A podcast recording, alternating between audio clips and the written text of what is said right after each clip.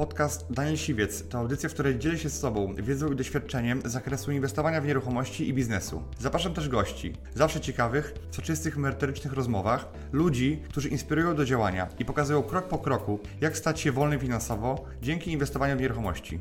Posłuchaj ich historii, zastosuj modele działania, wykorzystuj narzędzia i uzyskuj podobne rezultaty.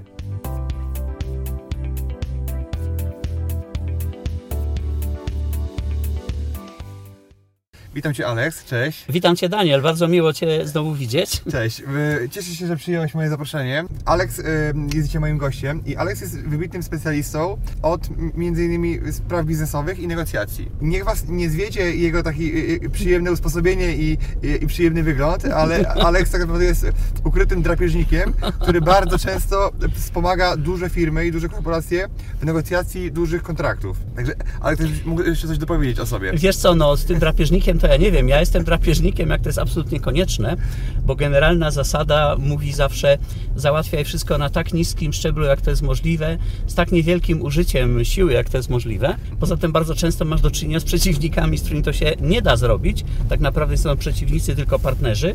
To to nie zupełnie tak wygląda, no ale, ale tak naprawdę to, co ja robię, jest bardzo trudno określić też, bo to nie jest jakaś jedna rzecz, tylko to jest cały zestaw różnych umiejętności. E, I to od dawna już, prawda? Bo od chyba 25 lat robię to i klienci sami mnie znajdują, żeby było śmieszniej, więc chyba to jest potrzebne.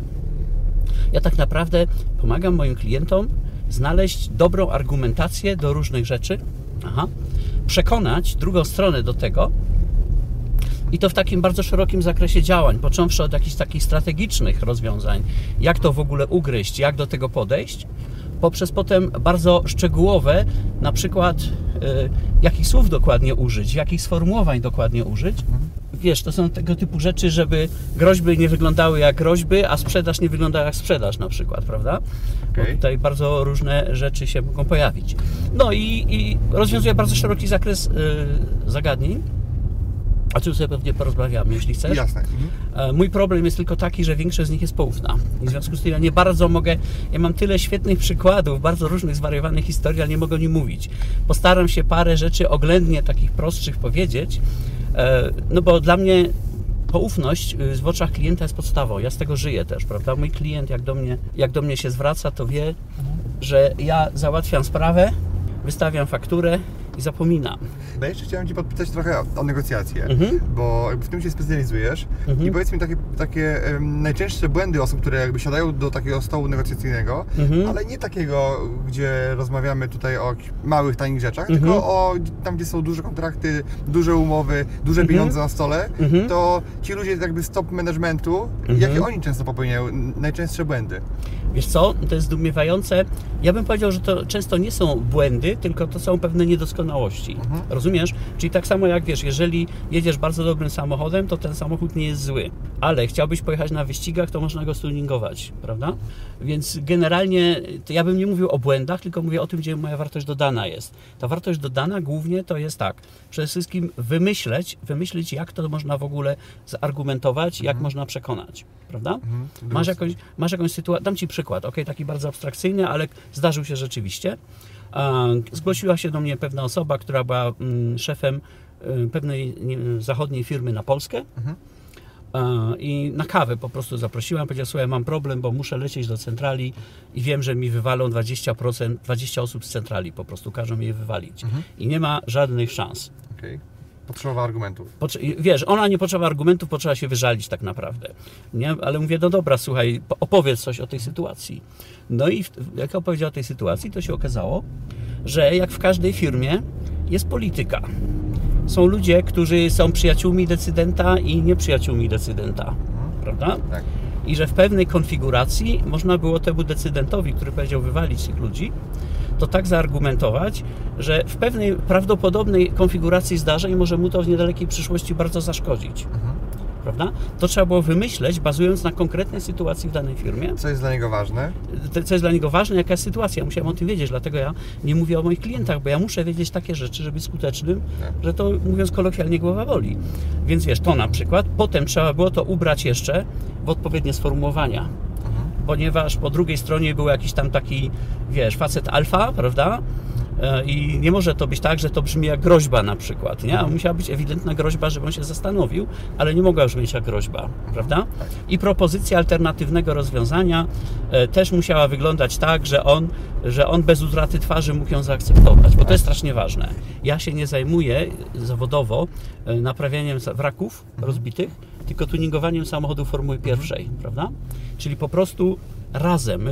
Cały czas ten polega że na tym, że to też na tym, że jeżeli ja mam wypracować jakieś rozwiązanie, to ja muszę mieć bardzo dużo konkretnej wiedzy, której o tej firmie nie mam. W związku z tym siadasz z klientem, zamykasz się gdzieś tam w jakimś pokoju hotelowym, w gabinecie czy gdzieś i kładziesz wszystko, co mamy, kładziesz na stół i potem wypracowujemy rozwiązania.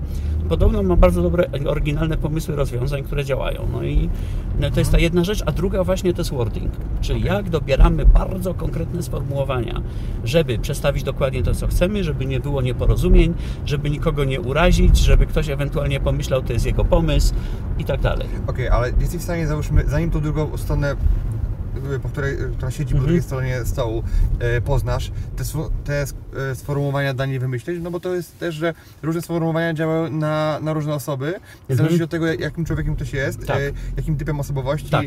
i to, to różne słowa działają dla, na różnych ludzi Tak, inaczej. poruszyłeś bardzo ciekawy temat, bo rzeczywiście nie mamy tego, nie mamy w cudzysłowie przeciwnika, jak to wypracowujemy. Dlatego generalna zasada jest taka, że wypracowujesz różne scenariusze, zwłaszcza jak nie wiesz, co jest grane. Prawda? Przygotowujesz różne scenariusze. Dobrze, jeżeli on zrobi w ten sposób, to co zrobisz, jeżeli on zrobi w ten sposób, co zrobisz. To jest szczególnie istotne na przykład w innej działce mojej działalności.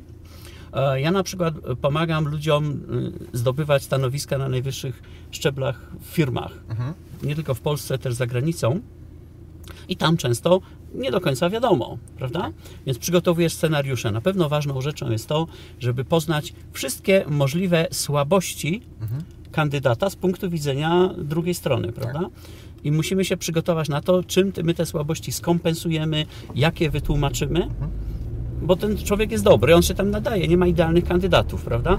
Tylko trzeba to wymyśleć. No i tutaj pracujesz scenariuszami. Praktycznie każdego możesz tuningować, niezależnie od poziomu, nie? Ja, wiesz, za darmo spotykam się z młodymi ludźmi, którzy otwierają różne firmy i tam pokazują rzeczy za darmo, nie? To im szczęka opada, mówię, o, nie wiedziałem, że tak można. No można. Także każdego można stuningować.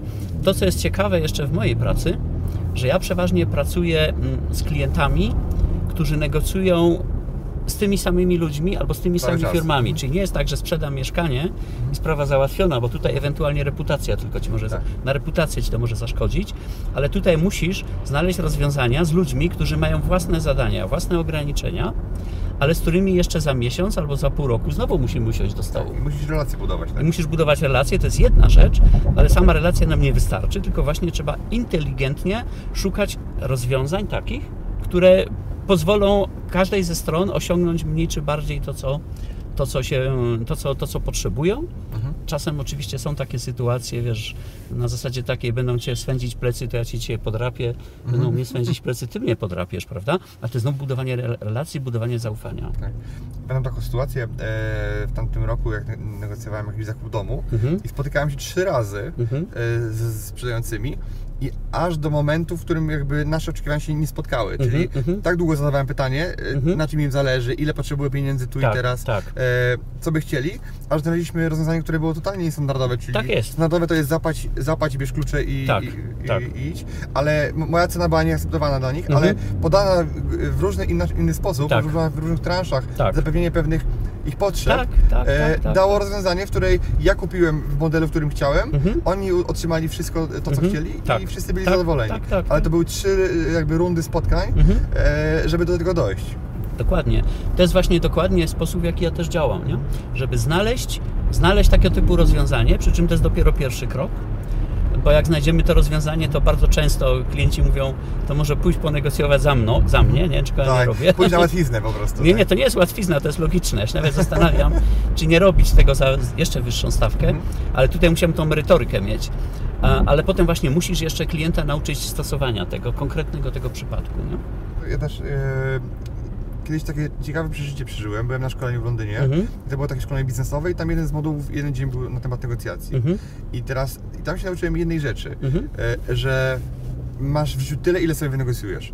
I jakby nie będę tego dalej rozwijał, ale ćwiczeniem e, na te negocjacje było to, żeby Mhm. 300 osób wyszło w centrum Londynu e, Mhm. wyszło z hotelu Hilton Mhm. i e, poszło zjeść jakiś lunch. Mhm. I każdy z nich, każda z osób miała coś wynegocjować w restauracji. Mhm. A wiesz, w, y, mm, restauracje w Londynie, y, no to były też sieciówki, no Tak. były różne knajpy, to była Tak. ulica restauracji. Tak. I wyobraź sobie, że każdy na te 300 osób Mhm. wynegocjował coś. Czy to dostał darmowy napój Mhm. e, i nie było takiej sytuacji, że po prostu ktoś nie dostał tylko ten, kto nie zapytał. Jasne. I byłem w szoku, jak po prostu można wejść do restauracji e, i poprosić o jakiś rabat, poprosić Mhm. o, o, o coś ekstra, Mhm. dodatkowo, jakiś deser, Mhm. e, no, bo my nigdy tego nie robimy i tego nie, nie dostajemy, tak? No, tak jesteśmy w takim kulturze wychowani, że no raczej się o takie rzeczy nie targujemy. Mhm. I, I właśnie to, to było fajne, że można było praktycznie, nie wiem, 20-30% ceny albo urwać, Mhm, mhm. albo dostać coś, jakąś dodatkową wartość. Jasne. I ci ludzie, naprawdę, ci kelnerzy zachęcali wręcz, Mhm. żebyś ty u nich zjadł. No dobrze. Ja od samego początku to nigdy się nie, nigdzie się nie ogłaszam, klienci sami się do mnie zgłaszają. I to nie jest dwa, rok, dwa, tylko, tylko ile? No ponad 20 lat już w tej chwili, prawda? Tak, i się kręci, tak? To się kręci, ale to jest właśnie dlatego, że ja mam to nastawienie, że ja dbam też o interes klienta. Mhm. Dbam o interes klienta. I nawet jeżeli mógłbym pewne rzeczy zrobić, to tego nie robię. Dam Ci przykład. To typ, typowa sytuacja. Klient na przykład bukuje mnie na pewne działania, e, formalnie na przykład na dwa dni. Prawda? No i potem się okazuje, że, że, że to nam tak dobrze poszło, że właściwie byliśmy tam gotowi, gotowi w, jeden dzień w sumie. Ale była sprawa wyjazdowa, więc tak, tak jakby mi zablokował dwa dni, ale tylko z tego jeden dzień wykorzystał. No to teoretycznie mogę w ciemno wystawić fakturę na dwa dni i w ogóle nie ma żadnej dyskusji. Co ja robię? Dzwonię do klienta i mówię, słuchaj, no mam na zamówienie na dwa dni, Um, to jest dość sporo pieniędzy, to nie jest tak, że to są drobiazgi jakieś, ale tak naprawdę wykorzystałeś tylko jeden dzień. I, I teraz wiesz, jak to rozliczymy, żeby było fair? Ja pytam, jak to rozliczymy, żeby było fair? No to klient zaskoczony jest, mówi, no to wiesz, miło, że tak o tym myślisz. No to ja mówię, słuchaj, to rozumiesz w ten sposób, że, że jak tu już masz budżet i to wiesz, że go nie wydasz, to będzie problem, no że to rozliczymy że to rozliczymy, a resztę ja Ci zrobię coś innego po prostu w ramach tego budżetu jeszcze, nie? Dlaczego? Bo trzeba dbać o to, żeby klient też był do przodu. Tacy klienci odzywają się potem po 10-15 latach. Miałem w zeszłym roku taki przypadek. Odezwały się dwie osoby, jedna po 10 latach, druga po 15, gdzie gdzieś tam kiedyś robiliśmy jakieś warsztaty i te osoby po- potem nagle wylądowały na wysokim stanowisku i potrzebują Cię.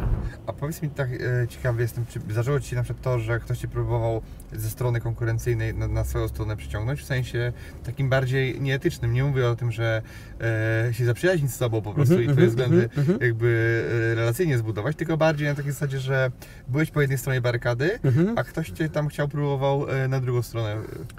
Wiesz co, w tym sensie może nie. Mhm. W tym sensie może nie, dlatego że to jest oczywiste, że ja takich rzeczy też nie robię. Ja mam w ogóle generalną zasadę. Ja staram się być absolutnie fair, czyli nie pracować na przykład dla firm, które ze sobą konkurują w tym samym czasie. Mhm. Bo jak ja pracuję dla firmy A, to wiem też o nich bardzo dużo. Jeżeli firma B by mnie zaangażowała, Tak. no to ja wtedy bardzo dużo rzeczy wiem, które mam potem dylemat, prawda? Bo ja zawsze staram się z całych sił robić wszystko, żeby dla klienta było jak najlepiej. Teraz tu mam wiedzę, której nie mogę użyć. tak. Ale związku- nie da się jej nie użyć, bo ją masz. Nie da się jej nie użyć, dlatego właśnie na przykład e, ja od lat wspieram różnych e, negocjatorów od strony dostawców branży FMCG też. Mhm. Te roczne negocjacje, prawda? Czyli różne firmy, które dostarczają swoje produkty do sieci handlowych. Tak. To ty, tych wspieram, prawda? Przy czym staram się nie wspierać też konkurujących, czyli żeby to były różne produkty, różne, różne branże. Um, ale nigdy by, nigdy by mi do głowy nie przyszło szkolić zakupowców po drugiej stronie Tak, e, kupców po prostu. kupców, nie? Bo to wiesz, proponowano mi kiedyś, ale powiedziałem, mam z tym dylemat, ponieważ akurat kupców, których miałbym szkolić, oni negocjują z dwoma moimi klientami, których znam na wylot Tak. i teraz będę miał dylemat. Ja nie chcę. Po co? Powiem Ci, jak wracaliśmy wtedy, znaczy ja, ja wracałem e, od Ciebie wtedy z e, Międzyzdrojów, to Mhm. mówię, dobra, nie, no, zmieniam swoje życie w ogóle. Prze, przeprogramowuję, Mhm. e, tak, że, że też będę pracował 50 dni, w takim sensie w cudzysłowie oczywiście, Tak, tak. że ograniczam pracę i więcej konsumuję i tutaj Mhm. więcej e, żyję. Ale to taki był, wiesz, taki jakby była taka myśl, ale człowiek wracał do tych swoich mm, starych jakichś tam e, zaszłości, do swoich starych przyzwyczajeń i ciężko jest tak, ale to było dla mnie naprawdę takie odkrywcze, jakby jak Cię poznałem, Mhm. e, jakby ten Twój styl życia, że tak można w ogóle, Mhm. e, bo mówić o tym to jest jedno, tak? Przeczytałbym książkę, to jest jedno, Tak. ale doświadczyć tego, to jest całkowicie na innym poziomie. Mhm. Więc słuchaj, to jest tak, ja uważam, że każdy powinien znaleźć sposób i styl życia, który do niego pasuje. Bo my jesteśmy różni, mamy różne potrzeby, mamy różną sytuację życiową. Ale teraz świadomie używam określenia znaleźć. Znaleźć to znaczy szukać i próbować. Ja jestem zwolennikiem próbowania. Próbowania, eksperymentowania i, i, i potem patrzenia, patrzenia zupełnie normalnie, patrzenia zupełnie normalnie na to, e, co z tego wychodzi. Czy to mi pasuje, czy to mi nie pasuje. Jestem czasem otwarty na różne zwariowane rzeczy, jak wiesz, bo wiesz o mnie trochę więcej niż przeciętna publiczność. Jestem otwarty na zwariowane różne rzeczy i co się okazuje, że to działa. A tak wracając do tej negocjacji jeszcze, Mhm, Alex, mhm, E, to jakbyś mi- e, mógł powiedzieć m, tutaj osobom, które mnie oglądają, e, takie, takie podstawowe rady, jak, jak będą negocjowali cokolwiek, gdziekolwiek, z kimkolwiek Mhm. i jakich błędów unikać, Mhm. e, żeby ich te negocjacje przeszły jak najsprawniej. Okej, znaczy chcemy, żeby negocjacje przeszły z powodzeniem, z, powodzeniem, skutkiem. tak, bo tak. mo- mogą pójść niesprawnie, ale żeby był dobry rezultat. Tak, dokładnie. No wiesz, najbardziej typowe błędy, które wszędzie widzę, dużo pracuję też pro bono, prawda, z młodymi ludźmi, młodymi przedsiębiorcami, to, to są dwie rzeczy w negocjacjach. Mhm. Rzecz numer jeden to jest gadulstwo. To jest gadulstwo. Bardzo wielu ludzi ma bardzo silną potrzebę, ja nie wiem, zabłyśnięcia, pokazania, pok- wychylenia się swoją wiedzą. I to jest bardzo poważny błąd. Szczególnie, e, właśnie ty mówiłeś coś o, o francuskich sieciach hipermarketów, prawda? Ja też, e, ja kiedyś też pracowałem właśnie z klientami, którzy musieli negocjować z takimi, z takimi swoimi klientami i oni tam są w ogóle chyba specjalnie szkoleni na to, że cokolwiek powiesz, obrócą przeciwko tobie, nawet jak to ma być coś pozytywnego. mówić. To wtedy lepiej nie tyle nic nie mówić, tylko pytać. No Właśnie cały trik polega na tym, że strasznie dużo ludzi gada, gada i gada i gada, zamiast po prostu pytać. Problem polega na tym chyba, że mamy kulturowo jakiś problem, że w szkole jak pytałeś, to byłeś ten głupi. Tak. A tutaj to, to, to jest dokładnie podstawa. Prowadzi rozmowę ten, który zadaje pytania. Oczywiście ten ma przywództwo w tej rozmowie i ten ma y, większy wpływ na to, w którym stronę ta rozmowa idzie i w ogóle większy wpływ na Tak. bardzo, bardzo wiele różnych czynników. I może dotykać takich rzeczy, które są dla niego ważne tak, i, i, Dokładnie, i wrażliwe, oczywiście. i które można później wykorzystać. Tak, tak, strony. tak. Jakoś sobie tam opłynąć te, które te rafy różne, prawda, jak się da. Więc to jest pierwsza rzecz. Znacznie mniej mówić, znacznie więcej pytać. Druga rzecz to jest robienie założeń wszędzie tam, gdzie można zapytać. Czyli e, założeń takich, że no po prostu no musi tak być, no to tak jest, prawda? Zamiast po prostu d- konkretnie zapytać, jak jest w danym przypadku. Bo jeżeli druga strona nam powie, jak jest w danym przypadku, no to wtedy mamy pewność. Może się okazać, że jest całkiem inaczej niż myśleliśmy, a jeżeli druga strona nie chce nam coś, nie chce nam powiedzieć, jak jest w danym przypadku, no to też jest bardzo ważna informacja, prawda? E, Ale nie tak, że zakładamy, że zakładamy i potem wychodzą bardzo, bardzo dziwne rzeczy. To są takie dwie podstawowe sprawy. Trzecia to ja tu oczywiście mam mm, skrzywienie zawodowe, jeśli chodzi o te sprawy, przy których ja współpracuję. Jak już powiedziałem, przeważnie są to biznesy, które robisz y, z, tymi samymi ludźmi albo z, tą samą firmą. Tak. Czyli tutaj mm, stosowanie jakichkolwiek bardzo manipulacyjnych technik negocjacyjnych na zasadzie takiej, że, że ja spowoduję, że on mi to podpisze i potem będzie żałował, to jest y, bardzo niedobra strategia. Bo ja oczywiście mógłbym tam wprowadzić rozmówcę w trans i on mi tam zrobi różne rzeczy. Tylko on kiedyś z tego roz- transu wyjdzie, a my chcemy za miesiąc albo za pół roku znowu robić duży biznes. To już No drugi raz na to nie, Drugi, nie, nie, nie, w ogóle tak. Także ja jestem w ogóle zwolennikiem takiej bardzo takiego bardzo stylu, takiego bardzo fair w negocjacjach. Przy czym oczywiście, tak jak napisałem w tej mojej książce, e, jedna z zasad jest broń się natychmiast, prawda? Czyli grasz fair, jesteś w porządku, ale jak widzisz, że druga strona, jak druga strona gra nie w porządku, no to się natychmiast bronisz i w razie potrzeby nie masz też zahamowań, żeby zrobić drugiej stronie krzywdę. Może nie fizycznie, żeby kogoś zabić, ale rzeczywiście zrobić mu poważną krzywdę, żeby na drugi raz nawet mu do głowy nie przyszło, żeby grać z tobą nie fair. Ja mam taką zasadę. W negocjacjach, w ogóle jak e, jakąkolwiek nieruchomość obejrzę, to skoro już poświęciłem na nią czas, Mhm. to zawsze składam ofertę. Tak. Czyli nawet jakby ona była śmie- śmiesznie niska i Mhm. miałaby kogoś no, nawet obrazić, mhm. że to, to wolę ją złożyć.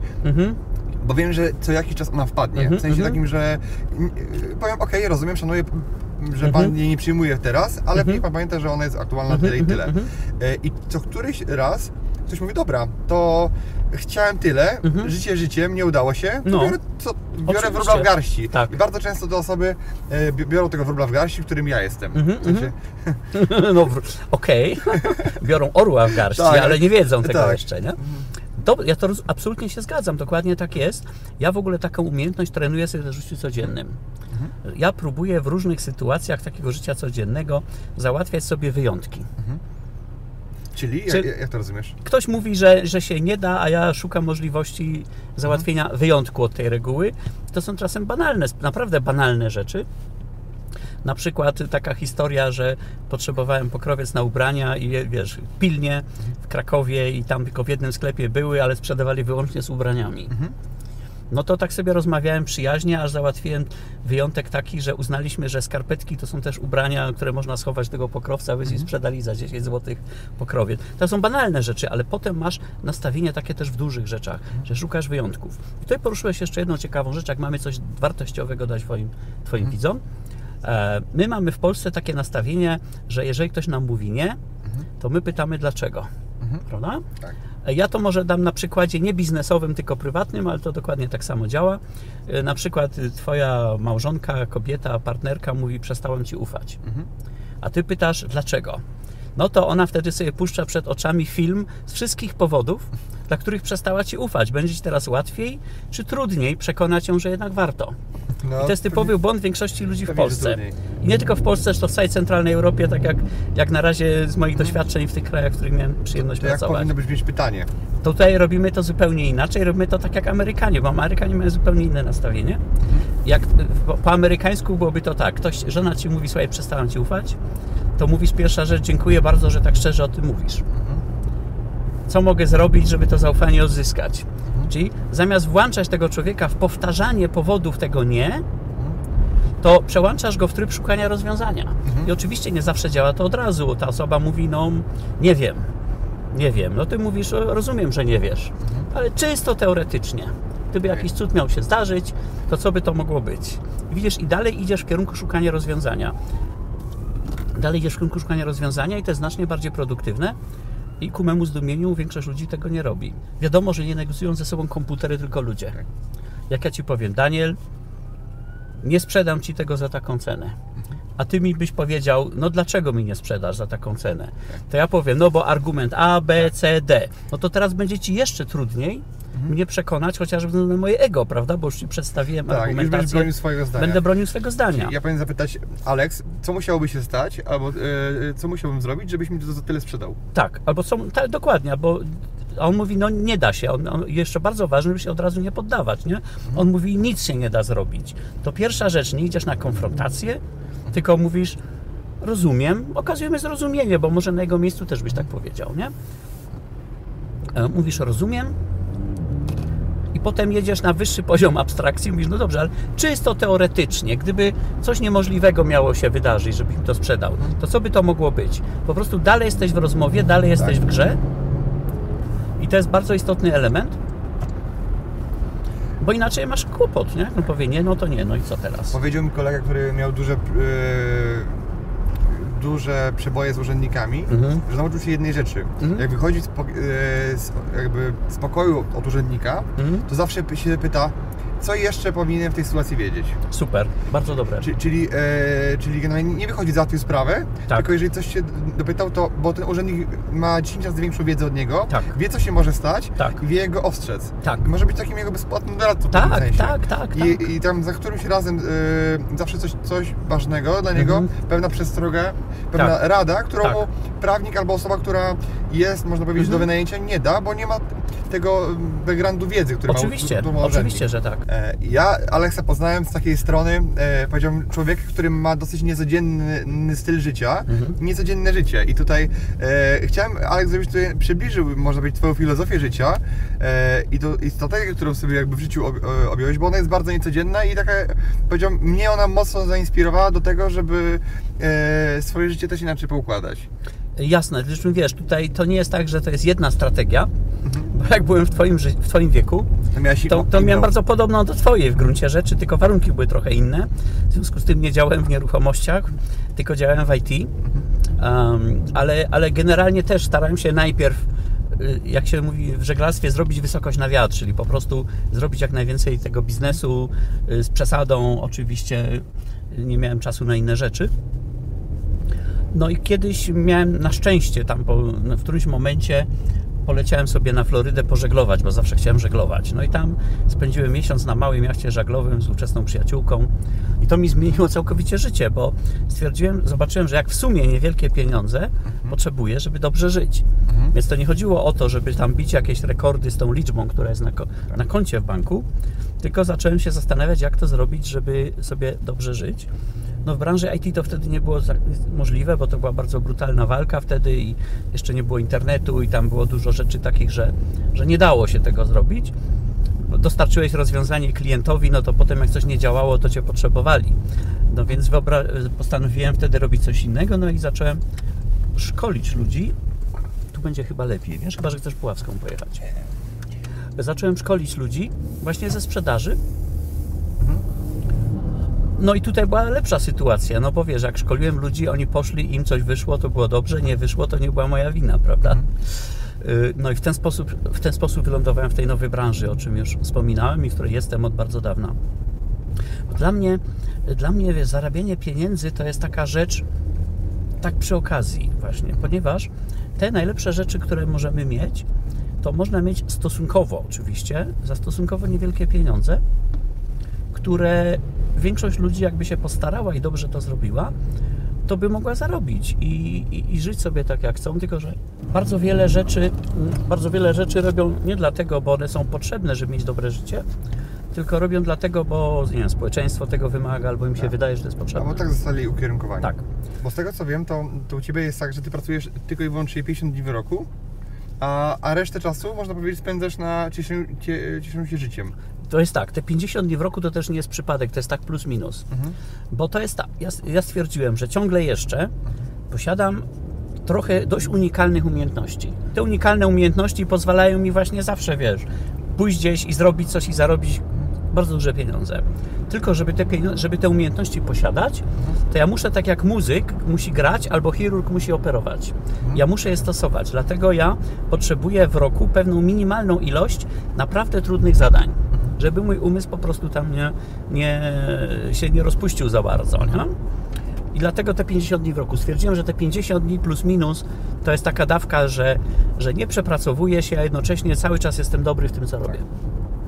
A resztę staram się delektować życiem na różne sposoby oczywiście, prawda? To nie chodzi tylko o to, że tu się, że imprezujesz, ale robisz różne rzeczy. Robisz rzeczy pro bono, bardzo dużo, jak wiesz, robisz pro bono dla młodych ludzi, bo uważam, że mamy bardzo dużo fantastycznych młodych ludzi w Polsce y, i trzeba im trochę pomóc.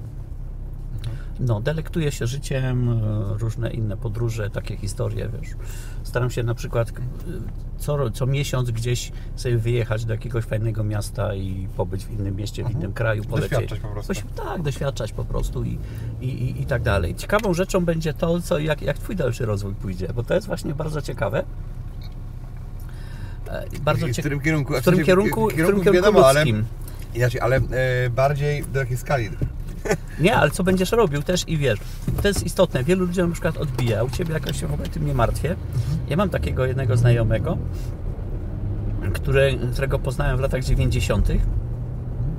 Dzisiaj jest niezmiernie bogatym człowiekiem, ale naprawdę pozostał całkiem normalny, całkiem sympatyczny, rozumiesz, można z nim, wiesz, pogadać, w ogóle bez zacięcia, nie? No tak, to też... Ja słyszałem, że e, pieniądze zmieniają ludzi tak samo jak alkohol. Aha, Że jeżeli jesteś dobrym człowiekiem, Tak. to, to, to, to, to uwypukłą te twoje dobre cechy. Jesteś Mhm. złym, Mhm. to sam alkohol, będziesz agresywny i będziesz jeszcze gorszy niż jesteś na, na trzeźwo Mhm. e, czy bez pieniędzy. tak, No i- ciekawa koncepcja, ale coś w tym jest, no, no. Myślę, że jest jakby dużo prawdy w tym. Tak, tak, tak. Ile e, nie jestem pewny, ale, ale dużo na pewno. Aha, no. Więc, e, Ja też znam wiele osób, które są e, bardzo zamożne i to są normalni ludzie, Mhm. aż czasem dziwne jest, że oni są tak normalni, Mhm. bo też to zależy z jakich domów pochodzą Tak. e, bardzo często. Tak, tak, jak ktoś, oczywiście. Ktoś się wychował w pałacu i ja z złotymi łyżeczkami, no to Mhm. nie oczekujmy od niego swojej skości po Mhm, prostu. mhm. Ale jeżeli ktoś, ktoś jakby, nie wiem, wychował się, się na wsi, dorobił się dużych pieniędzy, Mhm. no to, to też zależy, w którym kierunku chce pójść, no bo Tak. niektórzy się wyrzekają tego swojego pochodzenia, Tak. E, a niektórzy wręcz przeciwnie, No. mają wszystko gdzieś. Tak, ja mam ogromny szacunek dla ludzi, którzy, wiesz, zaczęli gdzieś na dole, bo sam tak zaczynałem i gdzieś poszli dalej. Właśnie dlatego wspieram takich ludzi bardzo chętnie. Tylko właśnie bardzo istotnym elementem jest to, że jak się pojawiają stosunkowo, jak na y, normalne społeczeństwo, duże pieniądze, żeby człowiekowi nie odbiło, nie? żeby pozostał normalnym człowiekiem i wykorzystywał te pieniądze do tego, żeby co prawda dobrze żyć, ale też być normalny. Ja się na przykład dziwię, bardzo wiele osób młodych ma problem, żeby się do mnie zwrócić, bo mówi, no Aleks Baszczewski, międzynarodowy ekspert, bla, bla, bla. Więc coś, jestem takim samym człowiekiem jak każdy inny, tylko parę rzeczy robię trochę może lepiej i z tego żyję, prawda? Ale to właśnie to jest bardzo istotne, żeby, żeby po pierwsze samemu żeby stać dobrym człowiekiem, normalnym, ale też jak szukasz kontaktu z innymi ludźmi, a jesteś gdzieś na dole, to na początku zrobić robocze założenie, że ten człowiek jest normalny. Mhm. Jak się okaże, że to jest jakiś buc, no to trudno, to, To trzeba omijasz go, go omijasz go idziesz dalej, nie? Ale nie można z góry zakładać, a przy, mówiliśmy o tych założeniach, nie? Tak. Nie można z góry zakładać, że jak ktoś ma dużo kasy, albo ktoś coś osiągnął dużo w życiu, to musi być bucem. nie? Większość ludzi, celebrytów to pewnie tak, nie? Bo to jakoś to wymaga pewnego specyficznego nastawienia. Ale niekoniecznie ci celebryci to są ci, którzy mają najlepsze życie. Niekoniecznie ci celebryci to są ci, którzy mają najwięcej pieniędzy. Tego większość ludzi może nie rozumie. Warto byłoby, żeby sobie to uświadomić. Aleks, to ja Ci dziękuję w takim razie bardzo za nasze dzisiejsze spotkanie. Cieszę się, że znalazłeś czas na to, żeby Cię ze mną przyjechać i odpowiedzieć na kilka pytań. Proszę bardzo, słuchaj, no jeżeli ja mówię o trybie życia, że masz dużo wolnego czasu i możesz robić co chcesz, no to nie trzeba było specjalnie dużo szukać. Dobrze, że udało nam się zsynchronizować, że jesteśmy w tym samym miejscu, w tym samym czasie i to była oczywiście moja przyjemność też. Jak już powiedziałem, chętnie spotkam się z Tobą po prostu na kawie, żeby pogadać też od czasu do czasu. No i, i życzymy wszystkim, którzy to oglądają, wielu sukcesów, dobrego życia i jak ja to mówię, życia, które jest pełne życia, żeby w tym życiu było wiele prawdziwego życia, przyjemności, rozwoju i sukcesów. Dziękuję Ci, że wysłuchałeś do końca. Jeśli ten podcast był dla Ciebie interesujący, zapraszam do słuchania kolejnych odcinków. A jeśli chcesz jako pierwszy otrzymywać powiadomienia o nowych odcinkach, subskrybuj mój podcast.